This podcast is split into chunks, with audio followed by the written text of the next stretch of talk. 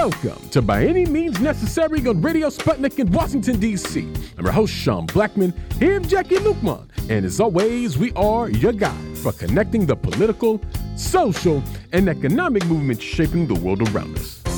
And today on By Any Means Necessary, we'll be talking about some uh, interesting interpretations of history, shall we say, uh, following uh, Canada uh, celebrating a former Nazi soldier. Also, going to be uh, discussing the uh, epidemic of chronic illness happening in the U.S. right now. And it's Friday, which means we're having our weekly segment in the Red Zone where we discuss sports, politics, and struggle. And as always, at 3:20 p.m. Eastern Standard Time, we'll be taking your calls. But to kick things off today, we are very happy to be joined by Aidan Jonah, editor-in-chief of the Canada Files. Aidan, thanks so much for joining us. Thank you very much. It's great to be on. Absolutely. And um, Aidan, there continues to be a, a fallout uh, uh, following the Canadian Parliament recognizing uh, one Yaroslav Hunka, who was a part of the uh, Waffen SS division. This was a, uh, a, neo, well, not neo. This was a Nazi uh, division back during World War II, and the presence of Hunka there in Parliament, the cause of no small amount of uh, embarrassment for the Canadian government. I mean, uh, Prime Minister Justin Trudeau has apologized for this. Uh, the Speaker of uh, Canada's House of Commons, uh, Anthony Rota, uh, resigned over this. But there's a, a sort of strange trend that has emerged from this that sort of seeks to uh, seemingly kind of uh, uh, equivocate on uh, the role of uh, groups like uh, the Waffen SS during World War II. I mean, there was literally a piece in Politico.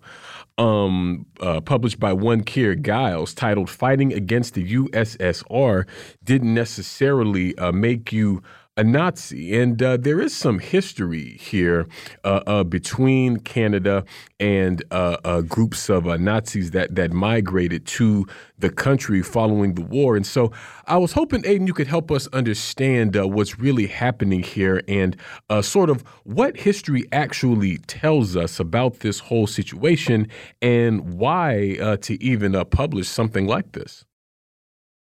You know, I think it speaks to this broader 75 year project that um, Canada and both the United States engaged in, which was to import, you know, rabid uh, anti communists at every opportunity. You know, for the Canadian side, 1947, you know, Canada was already seeking out European Nazis. You know, actually, was, I believe it was 1943. Uh, there was a book uh, saying that you had uh, Baltic Nazis they would be okay to come into Canada even if they volunteered because we wanted, you know, cheap uh, cheap labor.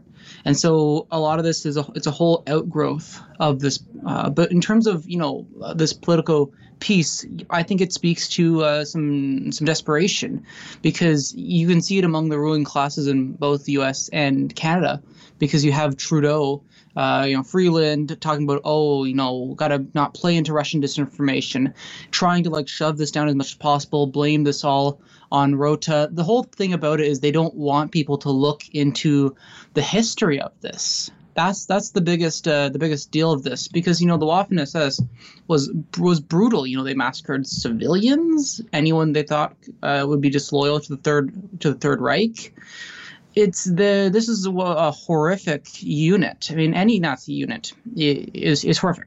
Any Nazi unit is horrific, and the Waffen SS is really no, you know, the 14th Division is no exception.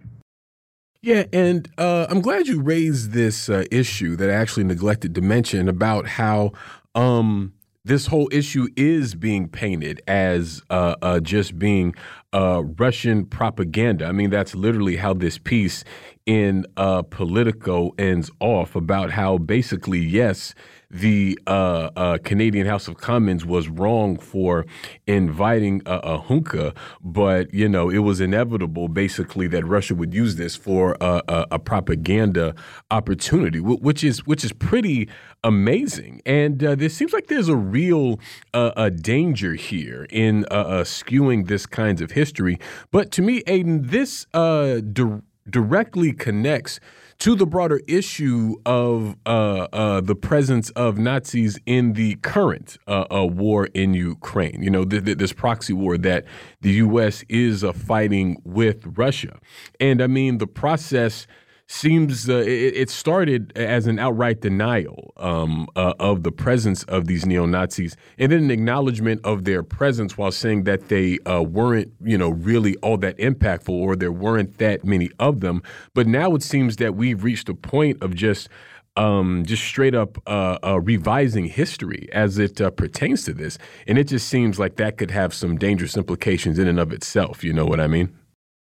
Certainly, I, th- I think the the attempts to revise history didn't start in 2022, though. I mean, speaking from the, speaking from the Canadian side, with all the importation of these Ukrainian Nazis, uh, you know, them and their their offspring, uh, you know, in that that community that was molded into existence by the Canadian government, uh, that community very actively worked to rewrite history and uh, you know engage in this historical uh, revisionism is, you know, you come to 2014, of course, you have the Maidan coup, you have the people of the Donbass trying to break away from U- from Ukraine, um, and then you have uh, open admittance in the mainstream media about the uh, about these neo-Nazi battalions fighting um, in Ukraine, and you know, you have these acknowledgments of the Ukrainian Nazi problem honoring a Bandera until the SMO starts. So Russia's SMO starts. Then, then all of a sudden, like you said, it's denial, denial, denial and they slowly had to admit it. And now, you know, with with Hunka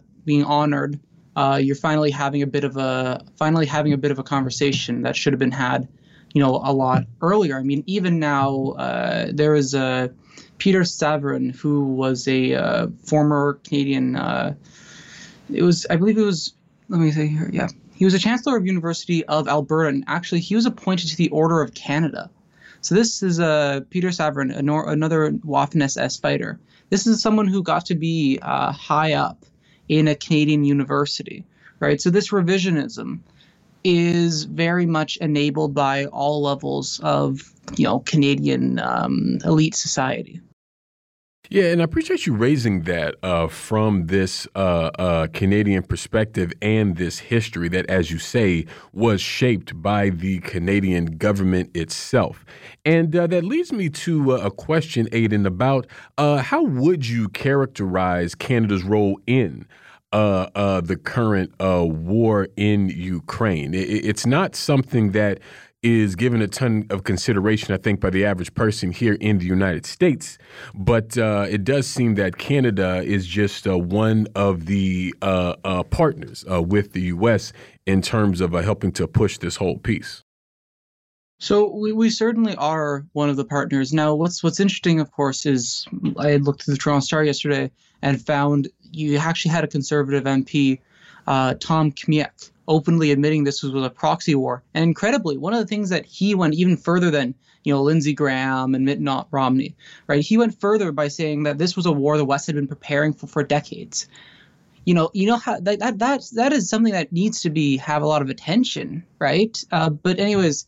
In terms of this Canadian role, it's undoubted that we have a role, and uh, you know that role you know, Chrystia Freeland, um, who was one of the people that smiled and applauded when Hunka was honored, uh, she, after the SMO began, pushed uh, was lead, led the push for financial sanctions on Russia.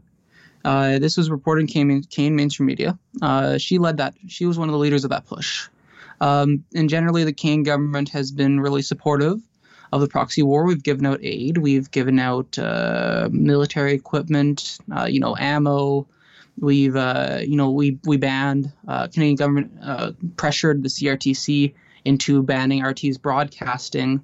Um, so we are very much a participant uh, in this. Obviously, we're not the lead element, but we very much are an active uh, participant in what even a Canadian MP is admitting is a NATO proxy war targeting Russia using Ukraine. Yeah, and you know, a part of it uh, also makes me wonder, Aidan, about uh, sort of uh, how this factors into uh, Canada's broader role um, uh, within uh, NATO actions and uh, things like this, and uh, sort of the, the the sort of shifting geopolitical dynamics and things like that as well. I mean, where does a country like Canada sort of fit into uh, that whole aspect? Uh, Operation uh, Impact, which was uh, the Canadian mission to train uh, some Ukrainian soldiers. You know, that's that's the kind of role that Canada has has played. We've trained soldier, we've trained soldiers. Uh, we have deployments in uh, in Latvia as well. You know, bef- even before the proxy war, we wouldn't meet with the Russians, and you know, hopping whole the way back, right? You know, Canada led the uh, the diplomatic efforts around the um, the the coup the coup attempt in Venezuela in in, in pushing uh, Guaido. Canada was really the lead of that push. You know, Canada's become more hostile to to Cuba. You know, um, Canada Canada very much follows along the the U.S. path overall, but Canada's role more than anything is occasionally to pop in and take the lead in areas where the U.S. looks would look too bad to initially, you know, engage in. I think that's the biggest part of Canada's current role. And of course, we pursue our own imperial economic interests, but we very much go where the U.S. wants to go, wants us to go. Yeah, so we could say more about those uh, those, imperial economic interests that are particular to Canada. I wouldn't say. I would say when I'm saying that, I'm. Uh, let's say, for example, uh, with with with, U- with Ukraine, right? You have, of course, the Maidan coup in 2014. And you have, uh, of course, the U.S. benefiting en masse from uh, privatization and the pu- puppet regime.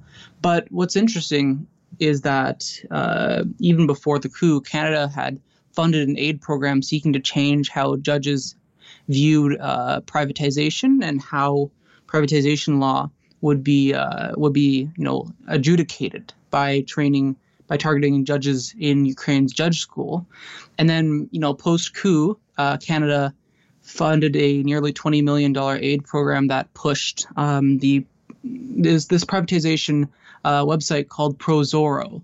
And they helped get it to 16 cities total in Ukraine. And this was for selling off state uh, lands and communal and communal lands. Uh, so, and then also you had uh, Canada supporting uh, these aid program, pushing these aid programs around business laws and business atmosphere. So Canada Canada a lot of the times is trying to get on in an extra business, get Canadian businesses better economic uh, conditions for operation, regardless of, of workers. That's one of the most consistent Canadian things. I mean, even in Colombia, uh, one of our aid programs played a role in getting uh, a, a, free trade agreement announced, and in terms of the some of the extractive industry code uh, got uh, impacted by you know the discussions through a Canadian aid program. So that's what a lot of what Canada does. Uh, we aren't the lead, but we have our own way of you know getting the maximum out of U.S. imperialism. Yeah, that, that that definitely seems to be the case. And, and swinging back for a moment to uh, th- this issue of uh, Yaroslav Hunka, I, I, was curious, Aidan, about uh, how has this played uh, amongst the Canadian public? Like, what is your estimation or your impression about how uh, people are reacting to uh, that whole piece? I would say there's there's obviously public anger. You know, once people once people realized um, what had been done. Now, of course, there was an immediate mass effort to not have this uh, reflect or pr- produce public consciousness change about the proxy war uh, you know, the Russian disinformation nonsense and all that, all that thing. But at the same time, there was there was anger from Kane people, uh, but also the Kane government has been clever in how it's tried to uh, limit the damage of the situation. Uh, they've limited it somewhat by, you know, Jewish groups, uh, Jewish people tar- suffered horribly from the the Nazi scourge. Absolutely. There was other groups that also suffered from the Nazi scourge too you know the U.S. the you know, Russia Russian Russian folks, Ukrainian folks. You know, uh, I mean, even like you know, there's Canadians who fought against the uh, the Nazis in World War II. You know, they, they didn't apologize to any of those communities, those groups. They only apologized to uh, to to one specific subset of groups that would obviously condemn them heavily. That would condemn them heavily. Would condemn Hunka but they could they knew that you know these uh, groups in Canada, which the Jewish groups in Canada, which a majority uh, of the dominant ones are Zionist, they will safely um, denounce you know Russia's actions while also, you know, c- you know, condemning the honoring of Hunka. So while the Canadian government's going to get ripped into the ground for this further, they also aren't going to go all the way to what they feared. They aren't going to get the worst consequences possible, you know, unless there's a groundswell from the bottom up. Yeah, and I'm also wondering if you think there will, uh, if this will have any consequences, uh, politically or otherwise, for uh, the Trudeau government or for uh, uh, the Canadian Parliament or uh, anything like this. I mean, do you do you foresee that, or do you think that this could very well blow over? I would say that conservatives have already been trying to trying to use this to. Um, to, to, for political gain. But I mean, the their attempt to use it for political gain is quite disingenuous because you know, in terms of the uh, the the Maidan coup, you know, who was in power during the uh, Maidan coup in Canada? It was uh, it was the Stephen Harper Conservative government, and of course at that time, you know, uh, Canada's embassy held in you know Maidan protesters to protect them. And of course, you know, Canada supported the Maidan coup, which was really driven uh, by these by these neo Nazis. Um, so, you know, the Conservatives are going to try to take this for their own political gain, as the main ones who you know aren't in a coalition with the Liberals. But if they do, it'll be very disingenuous. So it's an interesting situation. You know, I, I think the ideal thing is that this produces uh, anger against the proxy war and some critical thinking about that and action against that. I think that's the best action, but do I think the likely action is the conservatives? They could take advantage of it. They will try to at least. Yeah, and, and that also uh, makes me curious because I know here in the U.S., um, public opinion around uh, U.S. participation in the war in Ukraine is uh, uh steadily decreasing, uh, whereas there there was more uh, support towards uh, the beginning of the conflict. And, and I'm wondering uh, about the public opinion on the war uh, in Canada. What what is your impression about how sort of the average person uh, in Canada sort of feels about the conflict and the role of the government in it? I would say, look, frankly, most Canadians do. Um, support Ukraine. They do, but the general thought, even from you know, came mainstream media, National Post covered it too, is that you know I think it's only about a third of Canadians want more military equipment sent to Ukraine, and this was as of February. Uh, of this year. So, you know, most Canadians do support Ukraine, frankly, um, but, you know, they aren't absolutely gung ho on more weapons but they aren't angry enough um, as a as a general mass. You know, there are protests. There's a week of action against the NATO proxy war in Canada. I covered the event in Toronto last weekend. There's going to be another set of events this weekend, which I'll be there to cover.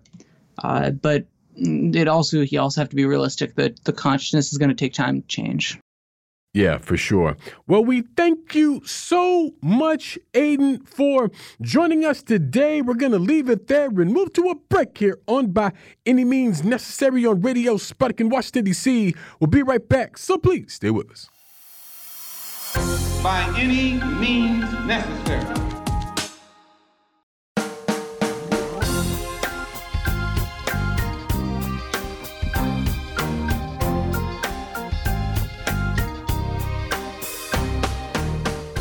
Welcome back to By Any Means Necessary on Radio Sputnik in Washington, D.C. I'm your host, Sean Blackmon, here with Jacquie Luqman. And as always, we are your guide for connecting the political, social, and economic movements shaping the world around us. And today we're talking about the issue of chronic illness and capitalist healthcare, and we're happy to be joined for this conversation today by Dr. Margaret Flowers co founder of Popular Resistance and director of the Health Over Profit for Everyone campaign. Dr. Flowers, thanks so much for joining us. Oh, it's great to be with you, Sean. Thank you. Absolutely. And uh, Dr. Flowers, the Washington Post uh, recently published a piece entitled An Epidemic of Chronic Illness is Killing Us Too Soon. And uh, this is an uh, uh, analysis uh, that I believe the Washington Post conducted over the course of a year, pointing out how you know issues of gun violence and opioid use have become a sort of serious uh, uh, topics and concerns in the U.S., and understandably so. But uh, chronic diseases are uh, killing more people between the age of 35 and 64 every year, according to the POSA analysis of mortality data. And so I was just sort of curious your thoughts uh, about this um, analysis, uh, uh, Dr. Flowers, and how do you situate it within uh, the broader issue of health and health care uh, in this country? Yeah, well, you know, I'm glad to see that they're raising awareness of this issue. It's been a long time concern, and you notice that they didn't look at people age 65 and older because that's where in the United States uh, people now, you know, would have access to Medicare. And we find that if people can make it to 65, then they actually have a longer life expectancy because now they're suddenly in a national system uh, where they can get the health care that they need. There's a lot of reasons why we're seeing, you know, such rates of, of chronic illness in younger populations and deaths from that. And as you mentioned, the capitalist healthcare system is one part of it. Um, under that system, it really incentivizes doctors to go into specialties where they can make a lot more money than you can in primary care. So we have a real shortage of primary care doctors. That means that, you know, folks who should be connected with a, a you know, a, a family doc or internal medicine doctor and be able to see that person regularly for checkups or when they have concerns, be able to get access to any medications they might need if they find that they have high blood pressure or diabetes. Um, that just doesn't happen in our country. And, you know, even people who have health insurance, private health insurance, often still have to make a financial decision about seeing the doctor because they have copays and deductibles that they have to pay before they can actually get care. So all of that is not functioning well um, to make sure that people can be monitored, um, to make sure that they don't develop chronic health problems or to get the treatment they need once that they do. But there are other factors that are very important, and those are what we call social determinants. And social determinants actually have the greatest impact on our health. And this are things like, you know, do you have a home to live in? Do you have access to healthy food? Do you have clean water? Clean air? What are your stress levels like? Are you feeling economically, you know, secure? Can you meet your daily needs? And we find, you know, the Census uh, Bureau just found this past year that 70% of people in the United States are struggling each week to pay for their basic necessities. Um, so all of this compounds um, the health problems in our country, the exploitation of workers, the lack of safety at work. You know, all of these are factors that contribute to this. Yeah, and even within uh, the post uh, analysis, they talk explicitly about uh, uh what they call the death gap or widening between the rich and the poor. And uh, mm-hmm. the class aspect of this uh, really isn't that surprising because, I mean, as you're laying out, Doctor, those who can afford quality health care pay for it and they're able to receive it, uh, improving their quality of life and potentially extending uh, their life. Whereas uh, people from poor communities don't have the resources and the money uh, to get this health care. And this uh, reflects in uh, their health outcomes.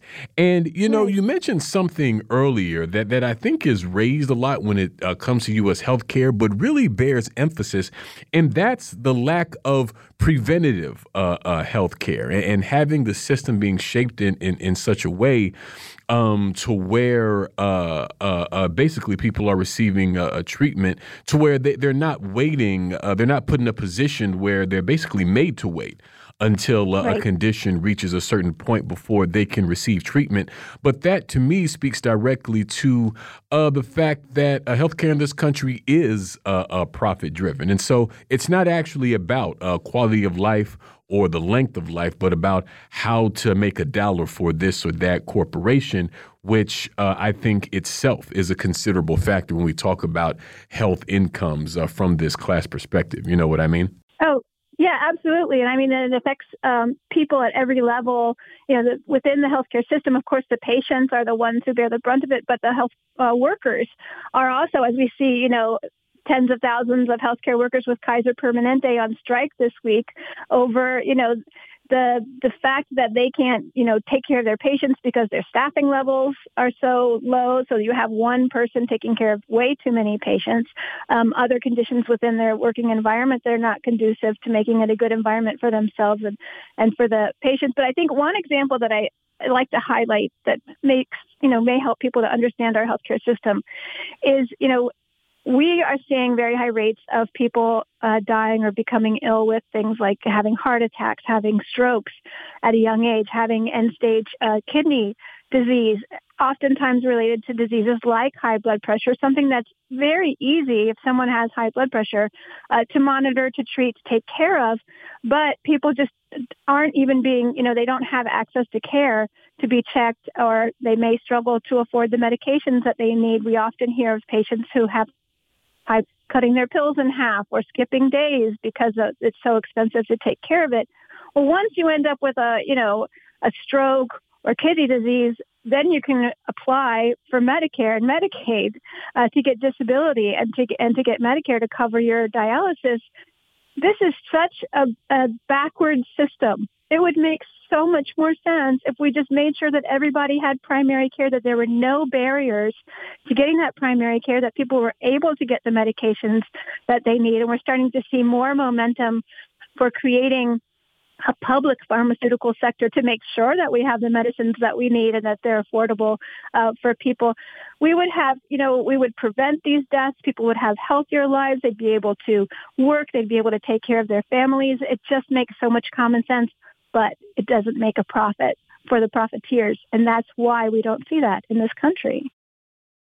Yeah, definitely, definitely. And I feel like um, a lot of these uh, inequalities that we're talking about, Doctor, in the U.S. when it pertains uh, to healthcare really became very obvious and glaring uh, during the uh, coronavirus pandemic, where uh, we didn't see um, as uh, many resources uh, going to uh, uh, poor communities or communities of color. So we see these uh, uh, issues of race and class sort of being twisted up here. But what I think this ultimately points to is that. You know, when we live under a capitalist system that is racist and economically exploitative and things like that, I mean, when you set up a system that actually needs inequality in order to function, it's going to have, there's going to be a real human cost to that.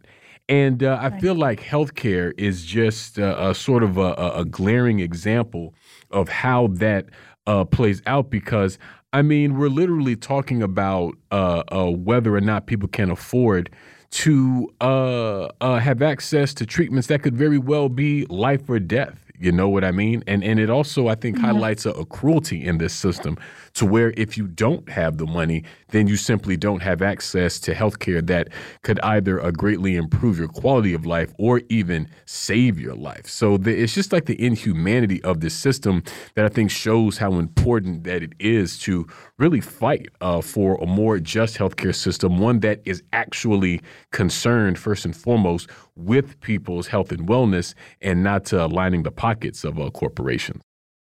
Yeah, you remind me of a, a, Martin Luther King Jr. quote that we often cite in the healthcare movement. It's something like, "Of all the inequalities or inequities, the most shocking and inhuman is, you know, inequality in access to healthcare." And and and you brought up the issue of, of race. It, it's class. You know, it's definitely can people afford to get healthcare because we put financial barriers in place between people in getting access to care. Uh, people are afraid to get care because they know that they may accrue significant debt. Healthcare, you know, medical illness is still the number one cause of personal bankruptcy in the United States. But we also have a system that from its founding was a racist system. And this plays out in so many different ways. On the popularresistance.org website in the slider, we have a a toolkit for people to under, you know, learn more about how racism is baked into our healthcare system and how we could, you know, work to, to change that.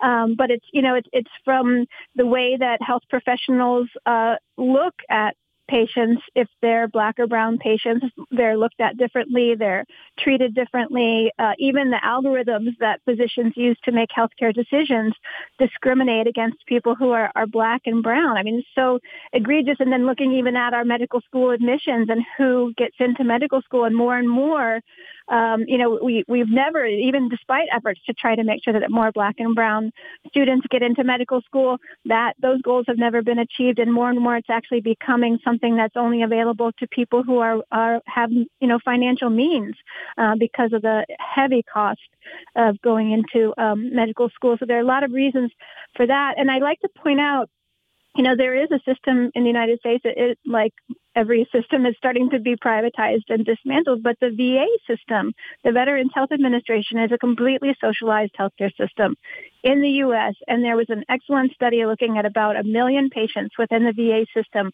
And while you, if you look at the general population, somebody who is black has a higher rate of death from heart disease in the VA healthcare system where everybody is treated completely equally. There are no upfront costs for care. Everyone in that system can get care. We actually see that black patients have lower death rates from heart disease than white patients. Now, there's no racial basis, you know, there's no genetic basis for race, um, but just even that, looking at that, I think is interesting uh, to see that this is this is a systemic problem. You know, it's not a, a it has nothing to do with the color of someone's skin in terms of their biology, um, but it has everything to do with the way that our, our system operates. Yeah, and what you were saying there, doctor, also made me think about the way that um, that doctors are uh, often enlisted to um, facilitate a lot of this as well. And I'm thinking specifically of uh, uh, the opioid crisis that I was uh, mentioning in passing a little earlier and uh, the fact that you know it's believed that you know the overprescribing of uh, things like opioids was a, considerable factor in what drove the uh, uh, addiction crisis. That is still very much going on, and of course, this would be happening at the uh, behest of a pharmaceutical manufacturer, a pharmaceutical company that wanted to make profit and uh, uh, basically uh, set about this campaign of aggressive of aggressively pushing these opioids, which is um, a part of uh, how some folks are, uh, ended up struggling with addiction. And so it's really insidious the way that a lot of these things can uh, play out. But here again, when the bottom line is the bottom dollar, you know, a, a person's actual health and well being is uh, tossed aside. And so I feel like right. when we talk about the issue of uh, a chronic illness or opioid addiction, or even how uh, the coronavirus uh, pandemic was mishandled in this country, the uh, direct role of a corporation and really the interest of capital, I think, have to sort of be a front and center at a lot of these issues because of how their interests run contrary to the people who are simply seeking health care for themselves and their families. You know what I mean?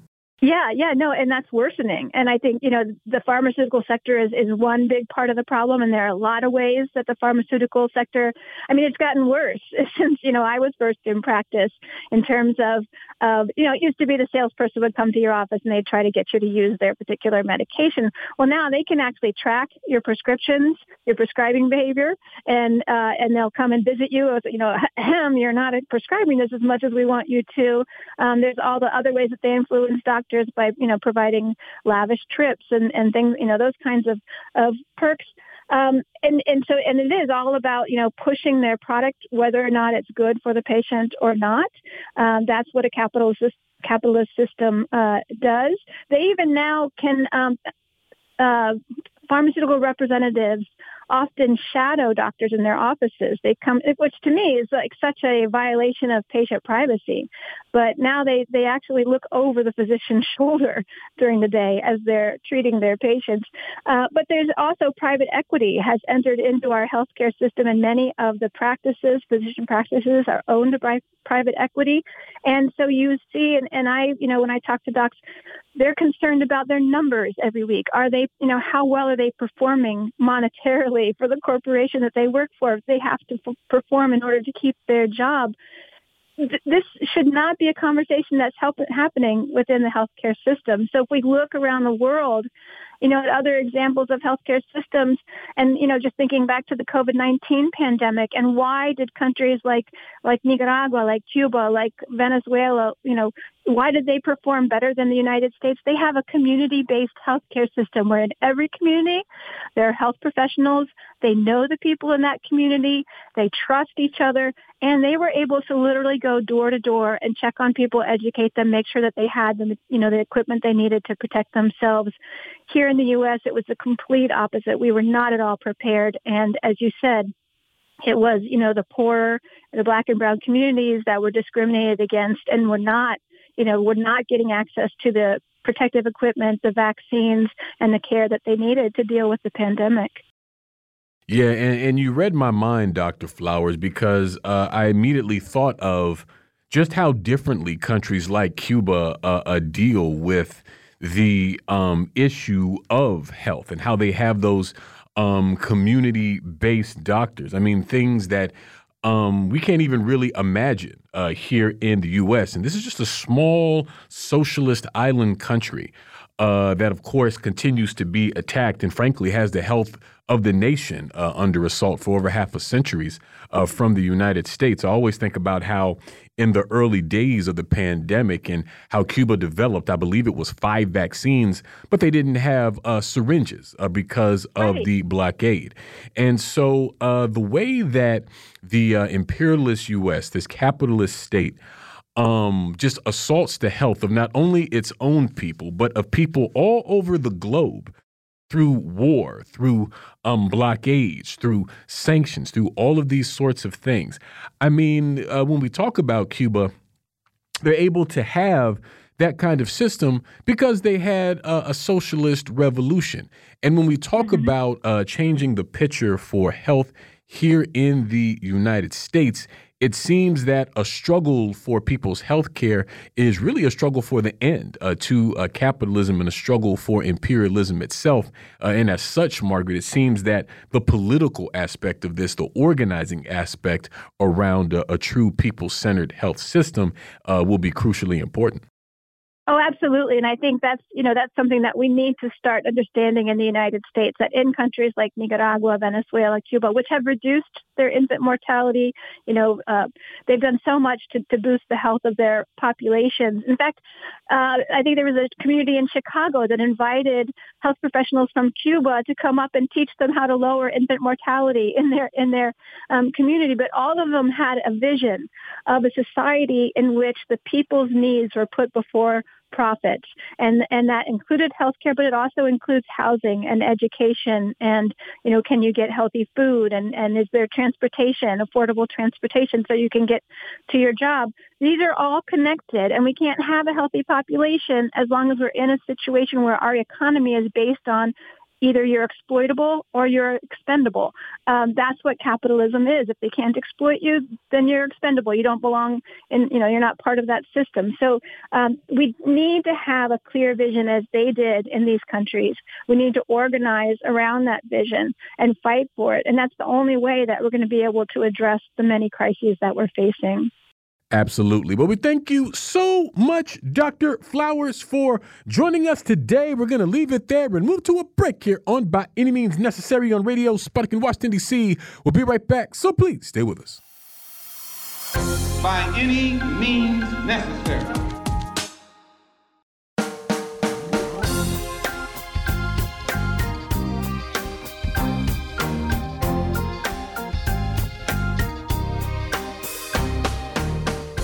Welcome back by any means necessary on Radio Sputnik in Washington, D.C. I'm your host, Sean Blackmon, here with Jacquie Luqman. And as always, we are your guide for connecting the political, social, and economic movements shaping the world around us. And it's Friday, which means it's time for another edition of our weekly segment in the Red Zone, where we discuss sports, politics, and struggle with Miguel Garcia of the Anti Conquista Collective, also the host and creator of the Sports as a Weapon podcast. Miguel, thanks so much for joining us. Hey, Sean. Good to be back as always. Absolutely. And uh, Miguel, there's this very interesting uh, article that was published in the nation about uh, the new College of Florida and uh, how that school uh, uh accepted the the excuse me, and that school was accepted by the National Association of Intercollegiate Athletics, the NAIA. Uh, even though, I mean, this school didn't even have an athletics department uh, just a few months ago. And we're talking about a school with about 700 people in uh, Sarasota, Florida. And uh, this process seems to be part and parcel of what appears to be a, a kind of right wing takeover of the school by Governor Ron DeSantis. So I was hoping you could help us understand, Miguel, just what's happening in New College and uh, just what is it that uh, DeSantis and uh, the right wingers of the state are up to. Yeah, so this was a great article by uh, great Dave Zirin from the Nation um, bringing attention to this story. So as you mentioned, Sean, you know, new college only has 700 students, small school, but it's uh, being accepted into this National Association of Intercollegiate Athletic and AIA. Like it's not Division One, but you know, it's still college sports. Um, and yeah, I guess you know the new college is one of those institutions in Florida of higher education that Governor Ron DeSantis is trying to uh, revamp into a more right wing ideo- ideology type school. Um, this school has already, you know, he's already been trying to push out left left wing professors. He's shut down departments like gender studies. Um, has eliminated uh, diversity and equity um, programs. They've also uh, this school is also preventing students from wearing Black Lives Matter or LGBTQIA pride pins, um, stuff like that. So there's a whole uh, takeover, and they're revamping the whole institution into what they want into a right wing institution. And now they're using sports here that Dave Zirin is pointing out in his article. Um, as you mentioned, Sean, this school only has 700 people, uh, but they're going to get 115 new student athletes so out of 700 students, they're going to have 115 student athletes with scholarships. They didn't have a athletic department before. Um, so that's a pretty high number. 115 new students that are going to get scholarships when they only have 700. Um, and one of the focuses is going to be on baseball. So they want to establish a base- baseball program. If folks don't know, Ron DeSantis actually used to play college baseball at Yale University. So he is a baseball fan. Um, and what he's doing with the establishment of a baseball team is they're going to enroll 70 freshman baseball players on a scholarship. Whereas in comparison to a huge Division One powerhouse sports university that has a good baseball program like the University of Florida, which has, um, according to this article, has 90 times larger the uh, student population than New College does they only have 37 baseball players on scholarship. So the University of Florida, a top baseball college baseball program, only has 37 players on scholarship, whereas New College, with only 700 students, didn't have a athletic department. A couple months ago, is going to have 70 uh, scholarship baseball players, so much more than Florida. Um, and according to this article, they're also most of these students are going to get a $10,000 per year on a presidential honors scholarship, um, even though their grades aren't as high as other students that are Phoenix uh, entering or were in the school. Um, I guess a lot of these students are going to come from largely uh, Christian private schools. So they're even getting students that come from institutions that are more right wing, more conservative. Um, so it looks like Ron DeSantis and uh, the folks he has in charge of New College are using sports to, uh, you know, push their right wing ideology to revamp this school. Yeah, I mean, it's just so transparent um, about what uh, DeSantis and uh, his cronies at the school are doing. And it's uh, pretty gross, frankly. I mean, the fact that, as you say, uh, Miguel, that you know there's this push to push out, uh, uh you know, left-leaning professors, and I guess uh, they get to decide just what that means, and to basically try to stamp out um, any progressive political messaging, whether it's about the movement for Black Lives or the LGBTQ struggle uh, uh, and what have you, and clearly trying to replace the more left leaning students with uh, these athletes that come from these uh, private Christian schools. And, you know, I, myself, I went to uh, a Christian school up until the fifth grade um, back home. And, and I can tell you that um, they definitely produce uh, uh, a different breed of person, particularly for those that go all the way through college or even just through high school. And without question,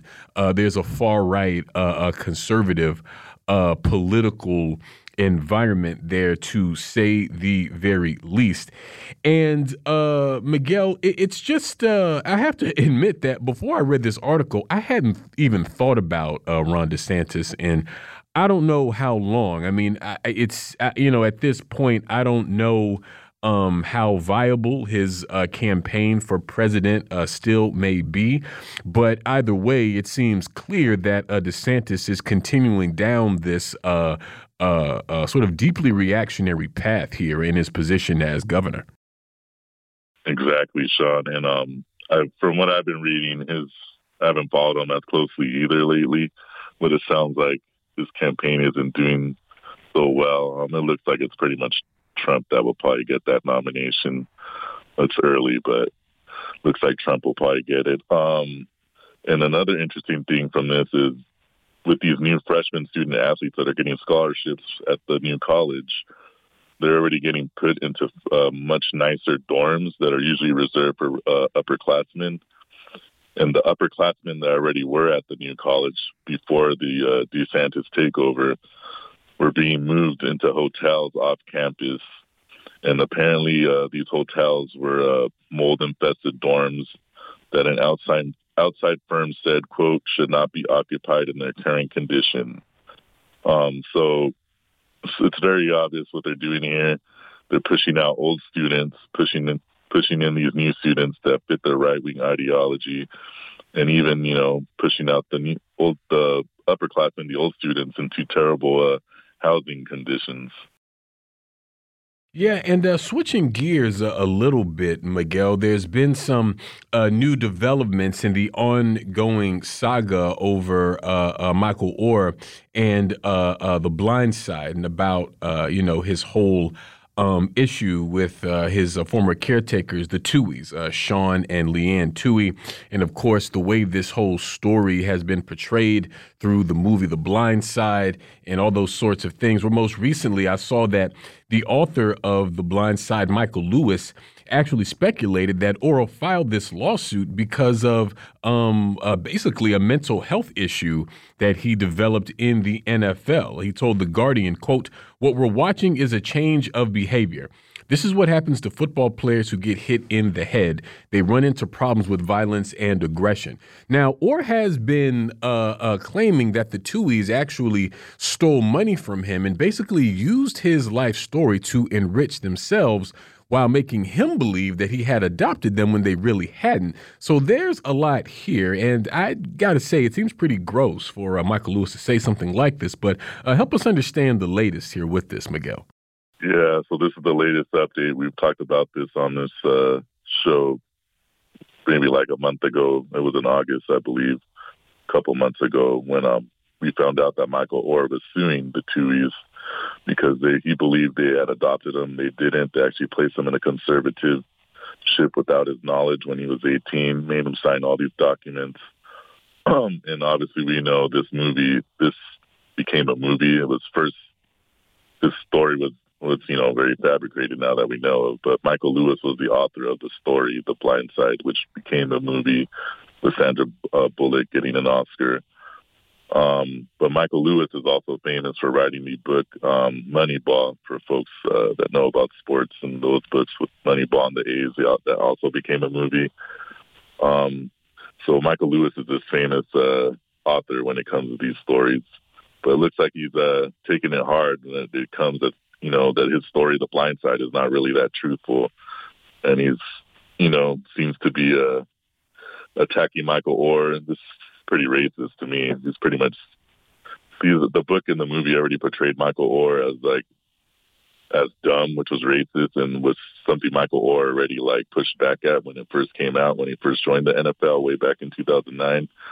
Um, but here, Michael Lewis, to me, he's being racist. Um, you know, he's just oh this dumb football player. He's just violent. He's has mental illness. We don't know if he has a mental illness, and here he is like making these attacks just because he doesn't like what's happening. Um, that his whole story he made this book is pretty much not true. Um, and this is all this just he just got interviewed recently by the Guardian where this all came out. Michael Lewis, um, and that was this is right after Michael Oher, a judge just had a judge had just ruled in favor of Michael Oher, and so he got released from that conservatorship. Um, this was on Tuesday, so it was a couple days ago. Um, so it just seems like Michael Lewis is just angry that he's he's that his story is being exposed. Um, like you said, Sean, he talked about calling, he's saying Michael Oher is just doing this because he has a mental illness, because football players are violent and aggressive. Um, we don't, we've never heard of Michael Oher uh, getting into trouble, any violence, stuff like that. It just seems very racist, very anti-black to me. Um, he's just angry, another angry uh, white guy whose story is, uh, you know, we all know it's fabricated now, and he's best friends with uh, the Tuohy, the father, um, the husband. Um, so they were already friends growing up, Sean Tuohy and uh, Michael Lewis. So there's an obvious bias there. Um, but yeah, he also he told the Guardian um, in this story that that Michael Oher was not strong, had did not have a strong voice on his life, and that he had to dig the story out to write this book. So he's even trying to say that Michael Oher is lying about his own life experiences. This is Michael Oher's life, not Michael Lewis's life here. Um, but you know, again, he's angry about his story. Uh, pretty much everyone finding out it's fabricated. Um, but to me, this is reading this was pretty disgusting. Um, you know, and also to me, it's also another example of capitalism. Here's Michael Lewis, who's become a famous author, has made all this money from his books. Like I mentioned, the Moneyball book and this famous uh, Blindside book that we now know is BS. Um, and he's trying to hold on to that because this is what made him his money. Um, and he wants to attack Michael Oher, the person who's actually lived this life who's trying to take back control of his life when people took advantage of him. Um, but here's Michael Lewis, of course, backing up the Tuohys um, and himself because there's we all know it's fabricated story. There's nothing else to say now. Um, but we'll see how this goes. I don't see this going away. We'll probably hear more stories about this because this Michael Oher still sued the Tuohys. That's still going. That's still happening. So yeah, I mean, it's just uh, such a excuse me, such a sad situation, and I think, unfortunately, uh, kind of serves as an example of the kind of exploitation that um, a lot of uh, young athletes uh, fall into, and a lot of athletes in general uh, fall into, just in terms of being a part of uh, organized sports. I mean, here you have two people who you thought uh, uh, basically wanted to be your family and give you the love and support that you needed. And it turns out that they were really just exploiting you for their gain. And now here you have another person, uh, this author, Michael Lewis, basically doing the same thing uh, uh, clearly because what is, you know, what I'm sure is the biggest uh, work of his life has now been called into question. And, and Michael Oher is there simply still uh, stuck with it all. But I also wanted to uh, discuss with you, Miguel, this uh, issue of the stadium for the Tampa Bay Rays. And there's some reporting now that suggests that this new stadium could cost the public uh, almost twice what officials originally said. So, uh, what's going on here? Yeah, so this is just another saga in sports stadiums. You know, where capitalists that own these sports teams um, don't want to pay for the stadiums or not pay as much and have, want the public to foot the bill, cities, counties, their citizens. And so Tampa Bay is just the latest example. The Tampa Bay Rays baseball team will be getting a new stadium. Um, they don't actually play in Tampa Bay. They play next door in uh, St. Petersburg. So that was already an issue when it came to trying to get a new stadium. Um, but now the report came out on Tuesday as well, this past Tuesday, um, with kind of the numbers of how much the stadium's going to cost. So originally, the stadium was going to be split. The cost was going to be split about 600 million each, 600 million from the Tampa Bay Rays, the team, and 600 million in public money, which was going to be paid by the uh, city of St. Petersburg and the uh, county that they reside, reside on, where St. Petersburg is St. Petersburg is located. Um, but now this report with the numbers is making it looks like it might cost twice as much for the uh, city and county side, the public money side. Um, so instead of 600 million, it's going to be about 1.2 billion um, when it when you read about the interest that's going to come up because they're going to use bonds to pay for this. So um, the city of St. Petersburg pledged 287.5 million to the stadium, and they're going to use two separate bonds, issue two separate bonds. It would pay off both with interest by 2054. Um, that's a long time ago. Who knows if uh, who knows if we'll be around in 2054? So that's kind of crazy just looking at that number. um, 2054, and then their total would be 507, 507.3 million. So that's like double the 287.5. That's almost double that.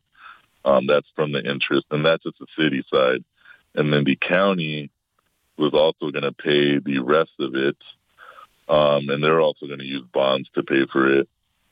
Um, and they were going to they were supposed to pay 312.5 million toward the new stadium. They're going to use bonds over the next 30 years as well. And with the interest, that total would come to about 586.8 million. So pretty yeah, it's pretty much double what the city was supposed to pay, whereas the Rays are just going to pay 600 million. So once again, another example of um, these teams taking advantage of you know the citizens and making them pay the bill. So the Rays are pretty much going to get a new stadium, only had to pay half, whereas the city and county are going to have to pay double what they thought they said they were going to pay because of these ta- uh, interests. Um, and the Rays, they're a good team. Usually, they've been a good baseball team for a while, but their attendance is always struggling um, with their stadium they've had for the past 20 years. They probably do need a new stadium. It's not the greatest baseball stadium, but their attendance is always lacking. Um, the fact that it's in St. Petersburg, St. Petersburg is a problem, but that's where the new stadium's going to be. So it's probably not going to turn out good for the history. Kind of shows us this might not turn out into a great investment here. Um, and of course, citizens will have to pay the bill. Definitely. Well, we thank you so much, Miguel, as always, for joining us today. We're going to leave it there and move to a break here on By Any Means Necessary on Radio Sputnik in Washington, D.C. We'll be right back, so please stay with us. By any means necessary.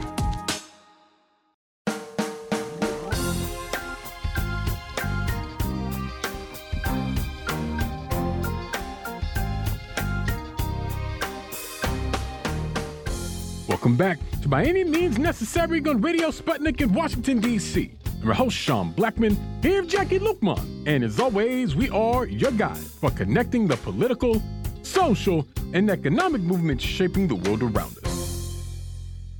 Oh, yes, we're here. We're back, top of the hour. It is Friday, October 6, 2023. And of course, in 20 minutes, you'll be able to give us a call, here by any means necessary, to give us your thoughts, ideas, questions, or concerns about anything you've heard on the show today, anything at all relevant happening on this earth. We want to hear from you. And at that time, you'll be able to give us a ring at 202 521 1320. That's 202 521 1320. Our operators are standing by uh, you can also uh, check us out at sputnikglobe.com slash radio underscore by underscore any underscore means. Can also follow us on social media, Twitter and Facebook.com slash BAM necessary. But wherever you are in this world, we want to hear from you. We most certainly do. And at the top of the hour today, Georgia State troopers uh, who shot and killed 26 year old Tortuguita, the uh, uh, protester who was fighting to stop the construction of Cop City in Atlanta, will face no charges. Um, according to George Christian, who's the district attorney for the Stone Mountain Judicial uh, uh, circuit. He said in a statement that uh, the troopers' use of a lethal force when they were trying to clear out the protesters was, quote, objectively reasonable under the circumstances. And I just want to remind our listeners that uh, Tortuguita posed no threat uh, to the police when they were shot and killed. The police claimed that uh, Tortuguita actually drew a weapon on them and thought they were in danger, but uh, autopsy later, excuse me, an autopsy later found that uh, it indicated that Tortuguita's hands were raised at the time of them being shot, uh, completely just uh, blowing apart the lies of the police. So pretty outrageous for there to be no uh, charges in this. Of course, this is coming at uh, the same time that uh, uh, Stop Cop City organizers are uh, facing RICO charges, and so the the state uh, assault on that movement uh, continues. And I think we'd do well to deepen and further our solidarity with them. But be that as it may, we're happy to be joined for the hour today by Gloria La Riva, coordinator of the Otway Project. Gloria, thanks so much for joining us. Thank you for having me on, Sean. Absolutely. And uh, Gloria, today marks 47 years uh, since October 6, 1976, where uh, two bombs were planted on Cuban Flight 455, uh, killing all 73 passengers on board. And uh, this was an act of terror that was carried out under the orders of none other than Luis Posada Carriles, a notorious uh, uh, right wing uh, terrorist and uh, this was also done with the knowledge of the CIA. And this is actually just one example of uh, anti Cuban terrorism that has either been facilitated or tacitly approved of by the United States. And uh, uh, I know that there's been um, a documentary, I believe uh, the Answer Coalition uh, actually uh, did some interviews with some of the surviving family members of some of the victims of the bombings of uh, Cuban Flight 455, which people can check out on Twitter. But Gloria, I was hoping you could tell us more about the bombing on Cuban Air Flight 455 and how it sort of factors into the imperialist assault on Cuba that's been going on now for over half a century. Exactly. Thank you. It's such a long history, Sean, of the U.S. sponsored, backed, and armed terrorists against Cuba. But certainly the most notorious was this bombing of the Cubana uh, Flight 455 of 1976. Today, October 6th, is the anniversary. And but it, it was the culmination of many other attacks that were being carried out by this Luis Posada Carriles.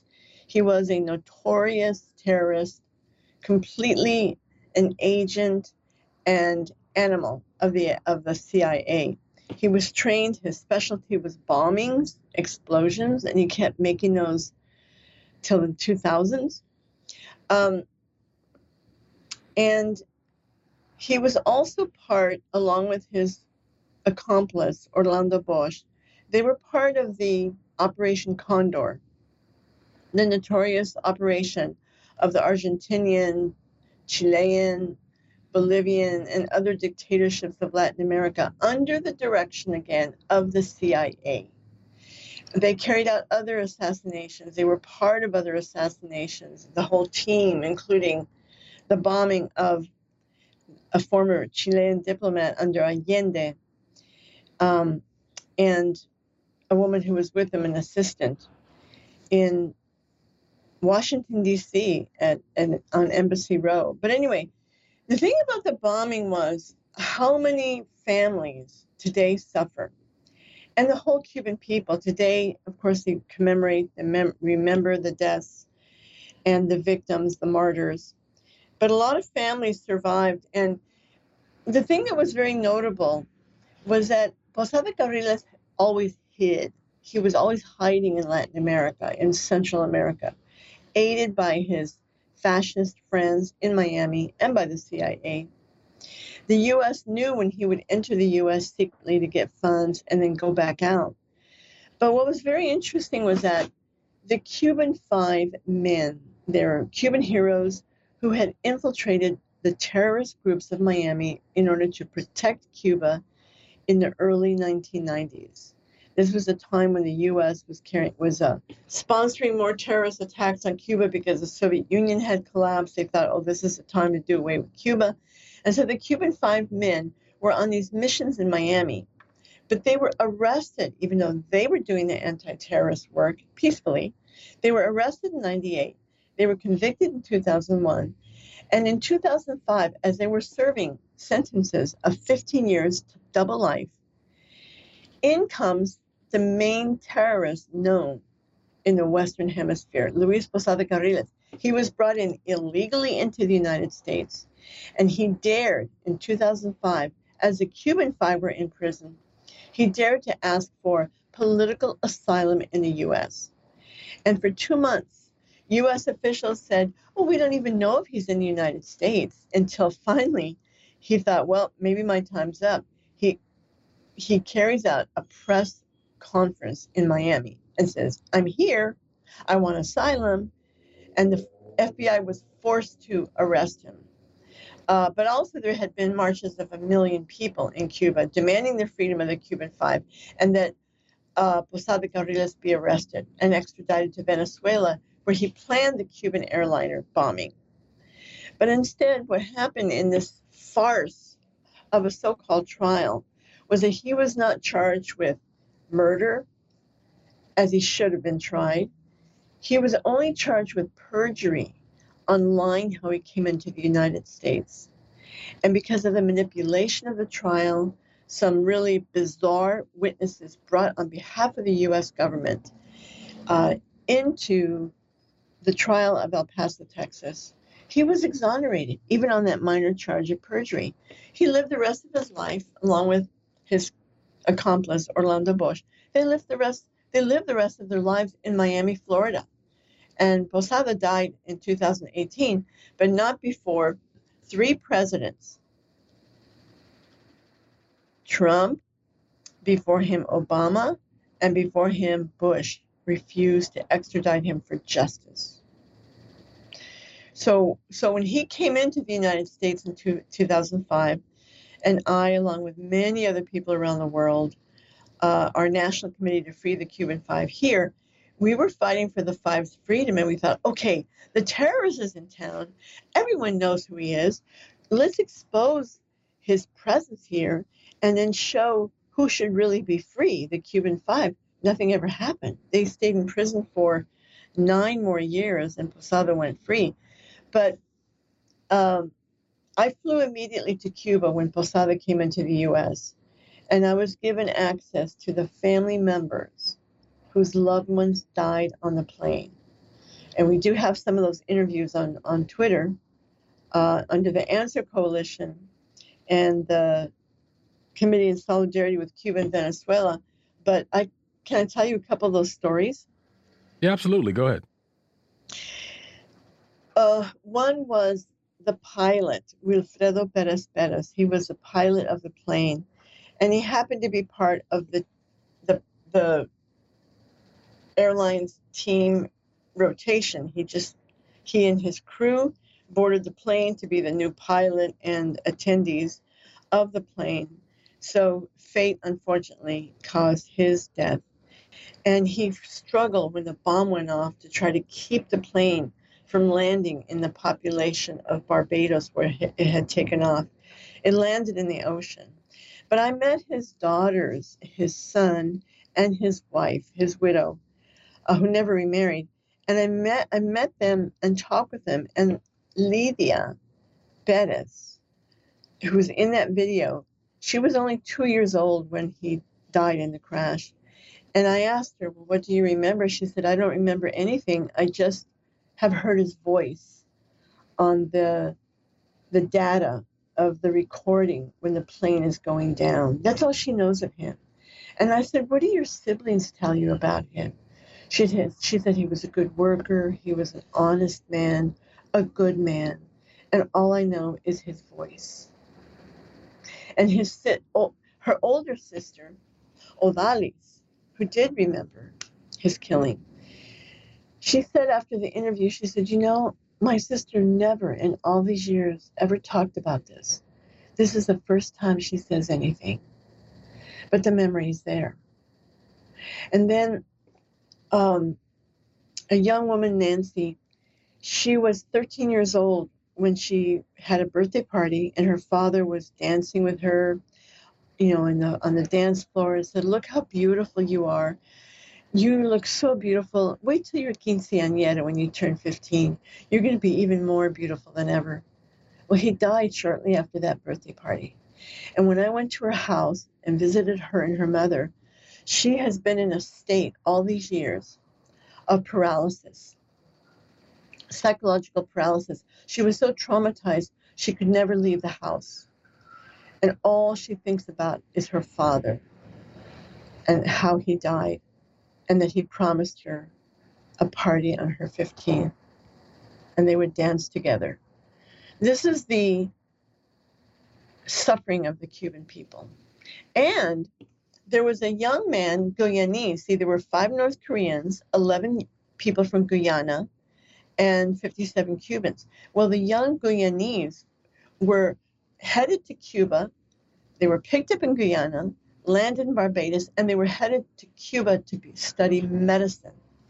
And we met and brought in, during the trial of Posada, we brought in the two sisters of Raymond Prasad. Raymond Prasad was 20 years old. And Sharon Prasad, the sister, said, we were so happy he was going to Cuba to become a doctor. She said, My mother made a, lo- a suit, a new suit for him. And we had the patio filled with all these chairs for the party, the friends and neighbors who came to, to welcome him, to send him off to, you know, to go to Cuba. Those same chairs, she said, were there for his funeral because he died that day. And she said, you know, we had that patio for the funeral services. And just imagine, Posada Carriles lived the rest of his days in Miami. He led as Grand Marshal of a parade of these counter revolutionary fascists of Miami, given the key to the city of one of the uh, suburbs of Miami. That's how he lived. And that's the city where the Cuban Five anti terrorists were tried and convicted they had no chance of a fair trial in Miami. Yeah, and I definitely want to get into uh, uh, the case of the Cuban Five a, a little later on, Gloria. But uh, what I really want people to to grasp is that you know uh, we have the U.S.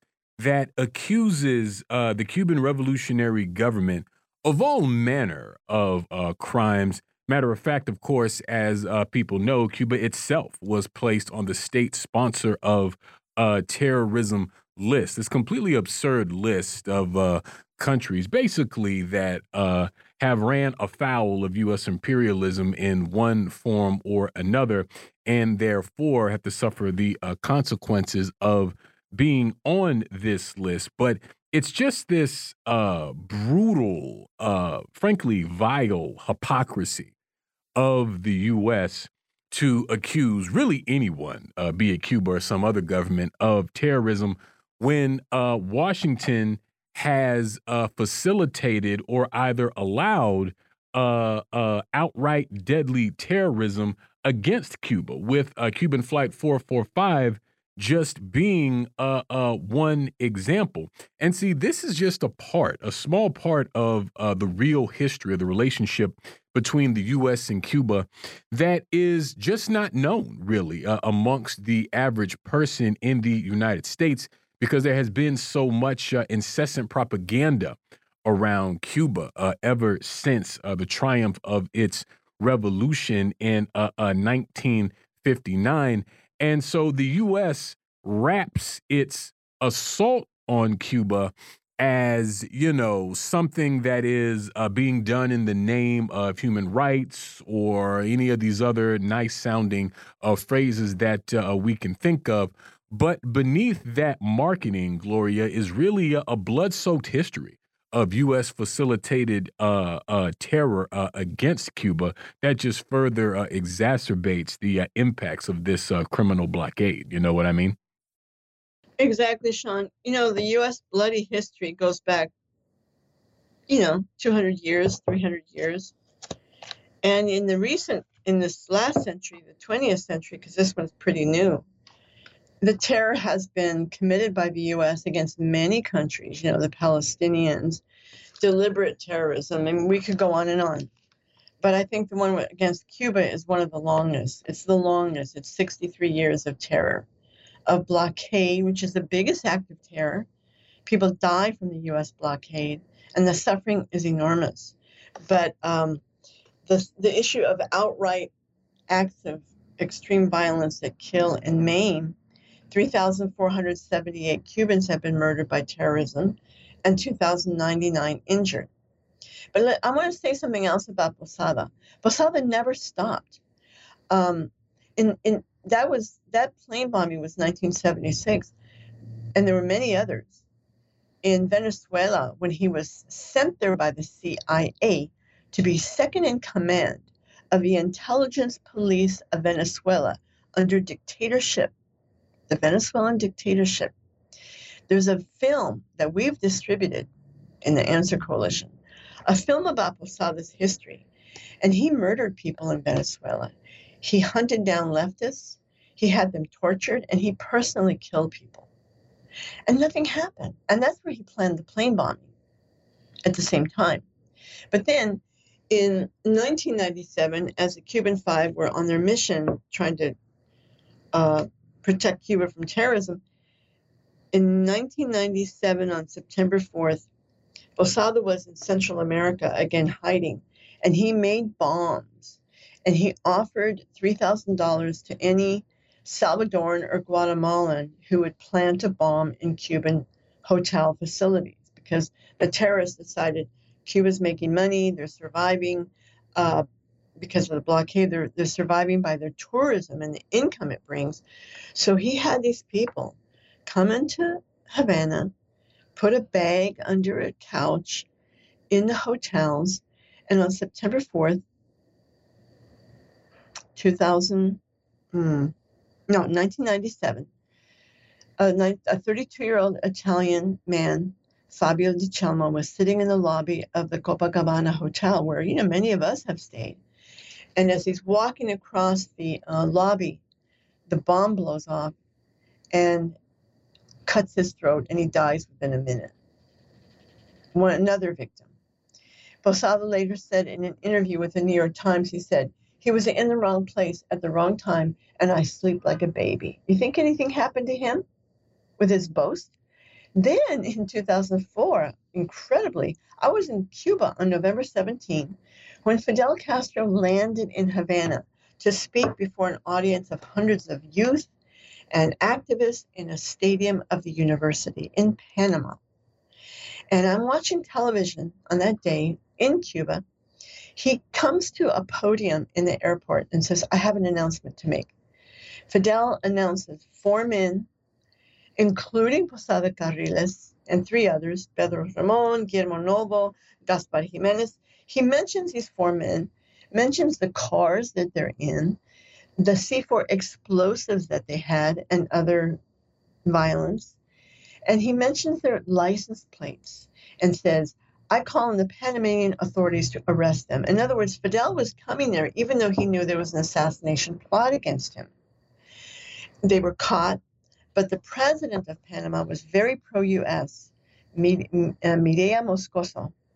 And even though they were charged with minimal charges and got a four year sentence, they were let out um, four years later by a pardon of the president what happened to them? Three of those terrorists trying to assassinate Fidel, they fly to Miami immediately. The FBI interviewed them for half an hour and let them go. Again, they lived the rest of their lives in Miami. Posada was hiding until when he came in, as I mentioned before, in 2005. But who financed them? Who gave them the weapons? Who brought Posada in? Was this notorious man who still lives in Miami his name is Santiago Alvarez Magriña, not to be confused with a filmmaker. Santiago Alvarez Magriña is a, the shadow of Luis Posada. He financed all his plots, including the attempt on Fidel.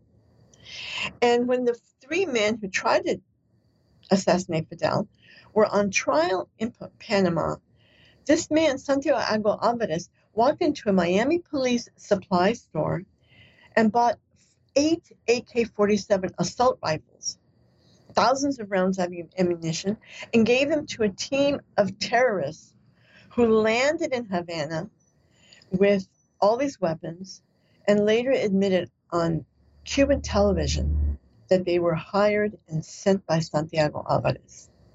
The U.S. again did nothing. Well, we're going to move to our first break of the hour on that note here on By Any Means Necessary on Radio Sputnik in Washington, D.C. We'll be right back, so please stay with us. by any means necessary.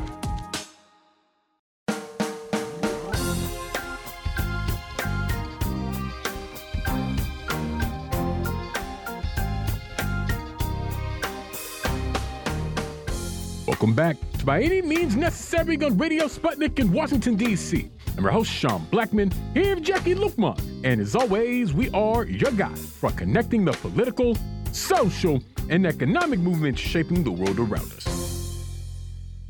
Phone lines are now open 202 521 1320. That's 202 521 1320. I continue to be joined by Gloria La Riva. And uh, Gloria, we've been uh, marking the 47th anniversary of the uh, terrorist uh, plane bombing of Cuban Flight 445 that killed uh, 73 uh, people on board at the behest of terrorist Juan Posadas Carriles. also believe Orlando Bosch and others were involved in that. And Gloria, you also mentioned the Cuban five. I mean, these were uh, five Cuban uh, patriots, five uh, uh supporters of the revolution who uh, uh, were trying to fight terrorism against their country, but were imprisoned here in the U.S., in the same country that gave refuge to anti-Cuba terrorists. And you were a, a, a, part of the leading element of a movement to free the Cuban Five that was ultimately successful. So, Gloria, I was hoping you could help us understand just who were uh, uh, uh, the Cuban Five and how is it that uh, they came to eventually be freed? Yes, thank you. Yeah, we formed the first committee in the world uh, for the Cuban Five within two weeks of when they were convicted, and when Cuba called on the world to, to free to help free them. It was called the National Committee to Free the Cuban Five many, many, many years of work. But um, the Cuban Five were part of Cuba's state security. You know, from the very beginning of the revolution and these acts of terrorism and U.S. eventually a U.S. military proxy invasion, Cuba has always had to protect its president Fidel and now the current president, and protect the people from violence from these terrorists so state security is very important. Many dedicated young people have joined it to, you know, keep a watch. And these Cuban five were five men who were part of that operation. They were they volunteered to go into Miami and infiltrate the terrorist groups. Um, and they kept a watch. They helped prevent another plane bombing. They actually saved lives that people don't even know about. But when a crime is prevented, you don't exactly know about it. And interestingly, in the mid 1990s, the Cuban government called on the FBI and says, We need to meet with you because there's all these terrorist activities. And they gave the FBI the information of what the Cuban Five had gathered of plans for bombs, you know, flying over Cuba, dropping bombs, all kinds of things that were being plotted. And the FBI was like, thank you very much. Well, it helped seal the fate of the Cuban Five. Although the FBI was following some trail, it confirmed to them who the men were who were protecting Cuba, which is shows you what a diabolical role of the FBI and the CIA against Cuba. So the men were arrested on September 12, 1998 and they were kept in prison all the way until 2017. No, 2014. I'm sorry. So many dates, so much history. 2014. And they suffered in U.S. federal prison. The FBI continued to approach them over the years and saying, come over to our side. Say that you're guilty. Say that, you know, you'll cooperate with us and you can be free. And those five men said, never, never we owe our allegiance to our country. So now they're home. They play different roles in Cuban society, very important roles. Uh, Gerardo Hernandez, for example, is a member of the National Assembly, Parliament, and he's also the head of the national organization called the Committees in Defense of the Revolution. And they still need to be protecting their country against these kind of acts. Yeah. Yeah, and see uh, that that that's an important piece to uh, uh, understand because you know uh, again here we have a crew of people who are trying to uh, fight uh, terrorism and end up uh, suffering a punishment that the actual terrorists never did. And, uh, you know, I'm just thinking about a lot of this kind of uh, history that is uh, not well known here in the U.S., and uh, that's not an accident.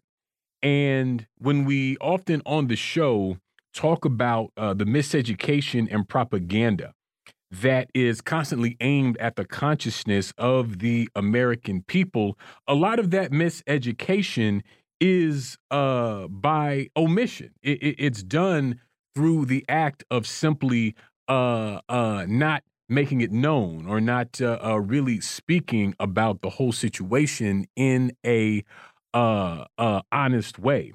And so uh, I'm also thinking about some of the more recent uh, attacks on Cuba, even right here in the U.S. Uh, speaking of the U.S. Embassy, uh, right here in Washington, D.C. I mean, just the other day, uh, Gloria, um, there was a uh, uh, uh, there was someone who reportedly threw two Molotov cocktails at the embassy. Luckily, there were no injuries, and I believe that perhaps there was minimal damage. And also, I believe just a year before that was when uh, uh, a man opened fire on the uh, Cuban embassy here in D.C. with an AK 47. If you go by the embassy today, you can still see uh, at least one of the bullet holes in the jacket of the statue of Cuban national hero Jose Marti. And so, you know, these these different attacks continue, but it seems that now we're seeing them happen as uh, public opinion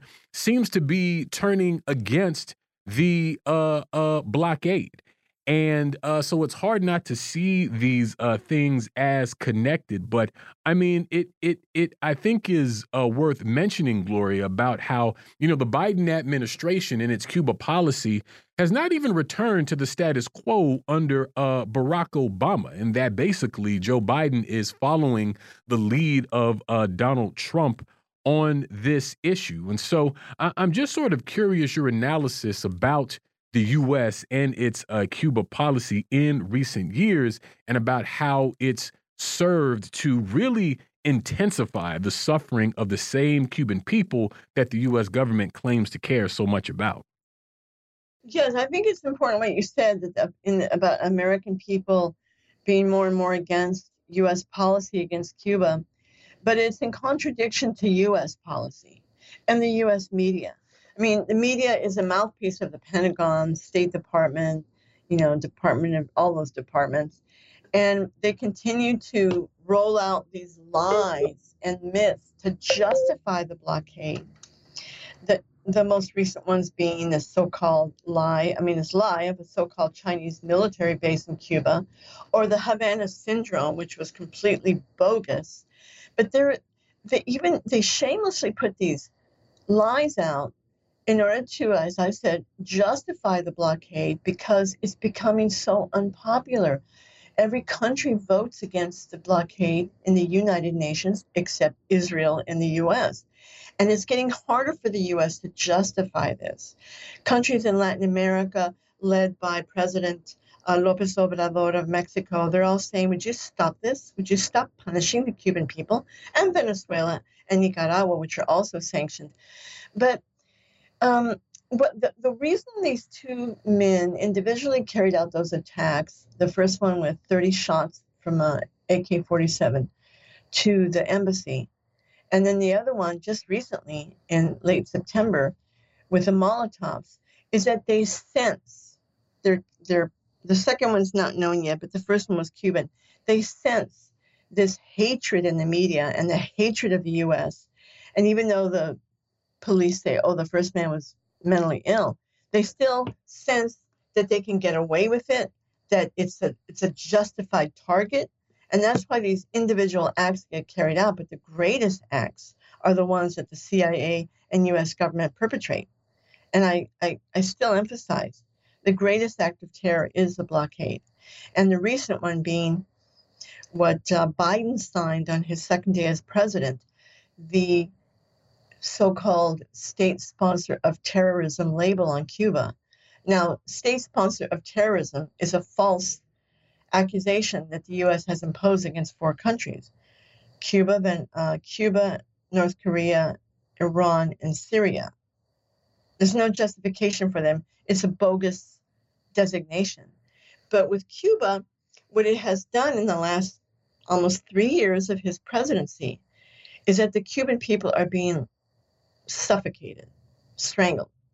Because what's taken place is that a perfect siege has been imposed, even worse than all the years of the blockade. The banks are all shutting down. They refuse to do business with Cuba. How does an island purchase goods or deposit their money, the income that they get, if not into an international bank? How does Cuba import food if importers are banned from doing so? Um, I, I have a story of a, of a friend who works at the airport in Havana, and he has a very close friend who's a businessman from Panama who has tried several times to get permission from the United States. Here it is a man, a national from another country, wants to bring food into Cuba, and he's not allowed to because the U.S. says, no, you can't. The U.S. has its tentacles all over the world to tell the world, you cannot do business with Cuba. We will kill it. Why? Why does a Democrat, why does a Republican do this? Because he, the objective of the U.S., regardless of administration, has always wanted to overthrow the revolution by economic, political, military means. Why? Because it's socialist. Why? Because they have free health care, no evictions, free education, while we're like drowning in poverty and debt. That's why they're afraid. And that's why, for all these years, there's been a ban for Americans to travel to Cuba, with some exceptions recently. So even though uh, Biden was a vice president under Obama's, you know, opening toward Cuba, he's still following direct the direction of the State Department, the Department of Defense, all the different instruments of U.S. imperialism. Yeah, yeah, that that that definitely is uh, uh, the case, and you know, when, when you were describing that, uh, Gloria, and we've been talking about how little so much of this uh, uh, history and the politics therein is uh, hidden from the American people, and how indeed the U.S. has tried to make it difficult to travel to uh, uh, Cuba, and and that's no coincidence uh, that it's being made difficult because uh, Washington doesn't want uh, uh, Americans to be able to go and see the reality of the impact that the blockade has had and continues to have. But here in recent years, Gloria, we've been seeing um, different delegations go to Cuba, and specifically delegations of young people who have uh, gone to Cuba, sort of seen the revolution uh, up close and been able to sort of see uh, different aspects of Cuban society. So even in just those trips, I feel like those young people learn so much more and they learn uh, many things that I think completely dispel and debunk a lot of the lies that the U.S. tells about Cuba. And so, I mean, from your perspective, why is that sort of uh, uh, a person to person uh, contact and exchange important when we talk about having a real kind of solidarity with Cuba? Thank you for that question. You know, before we go into that, I don't want to forget to the listeners that if you want to know more about the issue of U.S. terrorism, if you want to see an incredible movie, it's a new movie from last year. It's called Castro's Spies. Castro's Spies. It's on uh, Netflix and it's on television. It's on the internet. And it's about the Cuban Five. And the filmmaker very cleverly is from Ireland. The filmmaker very cleverly juxtaposed a famous movie about Cuba's state security based on this hero and juxtaposes scenes of that with what the Cuban Five were actually doing. It's a fascinating movie. The thing about the travel to Cuba is, you know, from the very first years of the revolution, people would have to sneak in. The Venceremos Brigade, the first group that openly went to defy the ban, the ban was 1969. They had to go on a cattle ship from Canada. And when they returned, you know, for many years, people who went to Cuba on the on the Venceremos Brigade were visited by the FBI. Their workplaces visited by the FBI, threatening them. And even now, uh, with the Obama's measure where he allowed not only group travel to Cuba but individual travel, the I was there during that time, and in Havana, old Havana, the streets were crowded with American tourists because everybody wanted to go. And when you go, you see, wow, what a peaceful country. We don't see cops brutalizing people. You saw it yourself, Sean, when you went. You're a young man who went too. And it opens people's eyes. These are our friends. And also to see the effect of the blockade. But then what what's happening right now, even though young people and these big brigades are going, which is really great, because uh, youth need to see a different world. They want a different world. You know, people want to fight for justice, and and they hear about Cuba. That's why they go. But what's happening lately, documented, is a lot of people, even with permission, even legal permission, are getting harassed by the border police, by customs officials, taking their phones, downloading the information, doing all kinds of nefarious things. That's why I say when you go, have your phone turned off before you get off the plane in Miami or Houston, wherever. And do not turn it on. You do not have to turn your phone on before the police. Nor should you give your password away to them. Just some tips. Don't be afraid. Going to Cuba is the safest country. It's very safe and it's beautiful. Definitely. We're going to move to another quick break on that note here on By Any Means Necessary on Radio Sputnik in Washington, D.C. We'll be right back, so please stay with us. By any means necessary.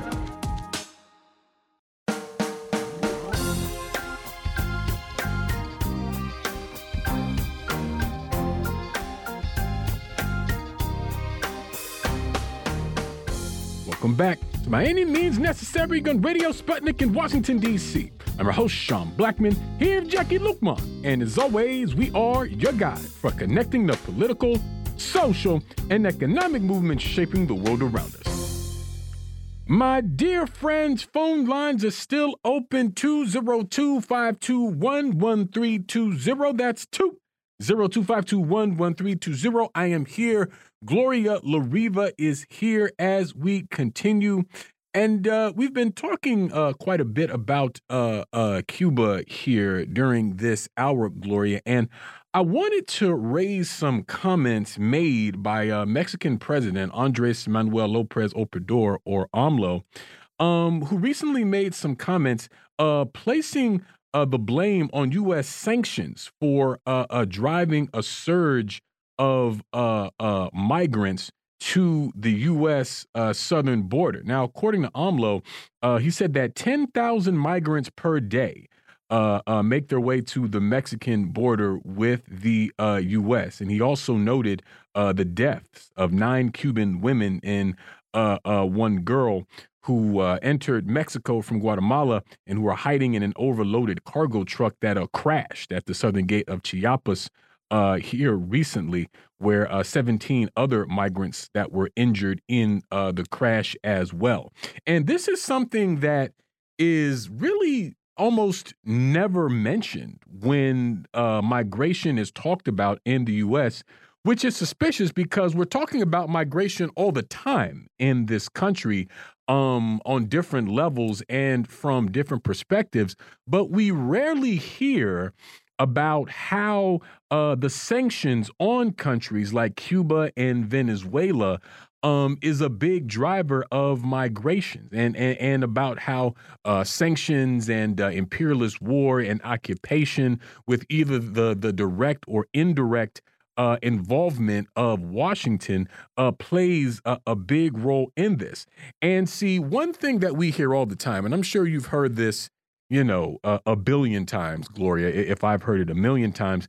This idea that you know, people only come to the U.S. from countries like Cuba and Venezuela because, you know, they're fleeing these despotic uh, socialist uh, uh, countries that, you know, go out of their way to uh, hurt and exploit the people and cut them off from uh, the necessities of life, when really it's these U.S. Uh, unilateral and criminal measures that are driving this. But I don't think it's any coincidence that um, you know, we don't see the U.S. Uh, accept any blame for what drives migration or for the mistreatment of immigrants. But you know, uh, the finger always has to be pointed at you know the villainous uh, socialist or, or communist governments in uh, different parts of the world. But I mean, there's a real cruelty to that because it completely erases the suffering that uh, people uh, experience under these sanctions on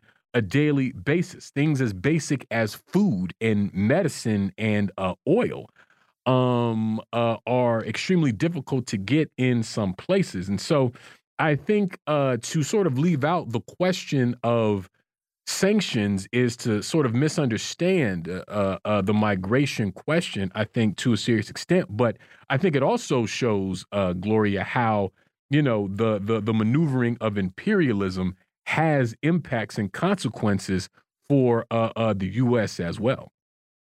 Exactly, the U.S. media hides the role of sanctions. They'll write endless articles about the suffering of the Cuban people and how many people are fleeing Cuba or Venezuela, but they don't say why. And the U.S. government lies about the causes. They claim it's people leave, you know, fleeing for democracy, which is such a lie. Um, there is a very important book. I've mentioned it before that I recommend people read. It's called Cuban Privilege by the professor from Boston University, Susan Eva Eckstein. And this book is the most important study on the question of U.S. immigration policy toward Cuba and toward Haiti, which are completely opposite each other. The U.S one of the biggest weapons that U.S. uses against Cuba is immigration. With the 1966 uh, Cuban Adjustment Act of that year that exists today, where any Cuban who comes to the U.S. gets medical care, permission to work from day one, and a green card after a year. You know, I have many, many friends who are Mexican here, my neighbors, been here 20 years, they've never gotten a green card yet. And so they have to hide as they work so hard. But this policy toward Cubans is to bribe them to leave the country. And then the same with Venezuelans. We were all in New York, a bunch of us, last week uh, to welcome the Cuban president, Diaz Canel, while he was here to speak at the United Nations General Assembly. And I was so surprised that on September 22nd, a Friday, he announced that he was going to give permission to work, immediate permission to work, which really leads to a green card residency, to half a million Venezuelans. Well, why not to the Mexicans who live here? Why not to the Haitians? To so many African and Middle Eastern immigrants, especially African. But it's it's why the U.S. has this immigration, whether in, whether restricting, deporting, or giving uh, an open gate to people, certain peoples, as a weapon. It's hypocrisy.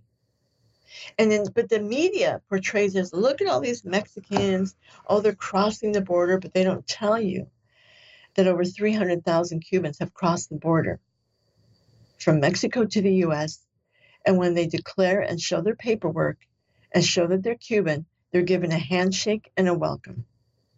Nobody knows this. Most people of the U.S. are completely ignorant of U.S. policy against Cuba. And as a result, there's all this hatred that Trump was able to whip up against Mexicans and Central Americans. Uh, without people really knowing, Ukrainians come in freely, because it's in the U.S. benefit to help Ukrainians in their war against Ukrainians.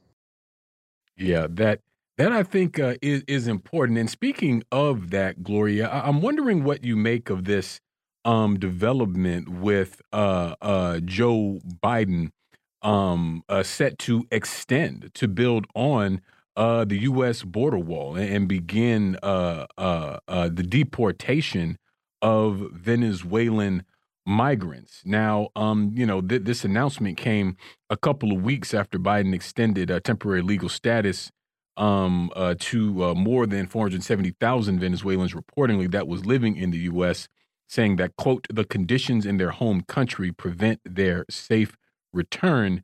And, uh, you know, uh, one of Biden's one of the first things that uh, he said uh, after taking August, excuse me, taking office back in January 2021, he issued a proclamation saying that quote, no more American taxpayer dollars be diverted to uh, construct a border wall. And so, I mean, what what do you make of this uh, move from Biden? I feel like this directly connects to what we're discussing about um, Biden saying that the conditions in in, in their home countries prevent their uh, safe return. But again, making absolutely no mention of uh, the sanctions that really uh, have a serious uh, negative impact on uh, Venezuelan people uh, every day.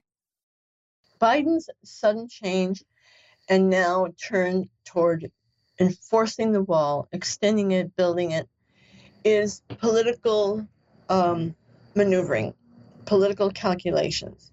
He's getting hit so hard by the immigration issue attacked by the right wing. And by the way, Tucker Carlson, all the right wing media, the right wing politicians, uh, they're all calling for troops on the border with Mexico. They're even calling outright for war with Mexico, using the pretext of the drug crisis and the immigration crisis. So I think that Biden's sudden turn, I mean, he hasn't done anything for, for immigrants, not a thing. Uh, kind of benign negligence, but also deportations continue. However, this promise to deport people now is because he's very worried. He's looking really bad in the polls. He's got nothing going for him. And he's like, well, I'm, I'm being attacked about migrants. I might as well shut that border. And the border is already so restrictive. People crossing into Texas and they find these barbed wire or they find the border patrol to, you know, brutalize them. It's all pure political manipulation. And the thing about the Venezuelans is granting permission to the almost half a million Venezuelans to come to the US to live, to work now, is for those who came before July. And contrary to what the media says and the US government, most of those Venezuelans were living for a number of years already in Colombia, Ecuador, Peru, Bolivia, Brazil, and other Latin American countries. They were already there. They're not the ones who are leaving directly, for the most part, from Venezuela. There are some leaving from Venezuela, but these are people who'd been there for a while in Latin America. So he's changing it and saying they will deport people who come after July but I don't know that that's going to be applied. In the meantime, we let's remember another wave of uh, immigration that came directly because of U.S. policy. As you know, under Obama in June 2009, the Honduran uh, increasingly progressive government of Mel Zelaya was overthrown as he was moving more to the left. And since that time, the crisis deepened the handover of land to the agribusiness corporations, the privatization of essential needs. And so remember in late October when 7,000 Hondurans were at the border crossing from Guatemala into Mexico, and their promise that they would march all the way to the U.S. border. I was with them, with another uh, activist, for eight days, where we accompanied them and heard their stories of suffering and fleeing repression in Honduras. We can't forget that. It's not just against the socialist countries. It's it's any country that tries to be independent, as you said in the very beginning of this interview. Any country that stands up to the US empire is then punished. Overthrow, sanctions, all kinds of aggression. Yeah, and, and that's an important point. the fact that you actually don't have to be a, a socialist or a communist government. Uh, you don't even necessarily have to be progressive. But if it becomes clear that you want to plot an independent path for your country and its people, a path that is independent of multinational uh, corporations, a path that is independent of uh, U.S. political interference, basically having the politics of your country manipulated to suit the interest of Washington and not your country. If you did that, then that was seen as a reason enough to oftentimes invade and uh, try to topple governments and to carry out these uh, sanctions and blockades and these other sorts of things that we are discussing.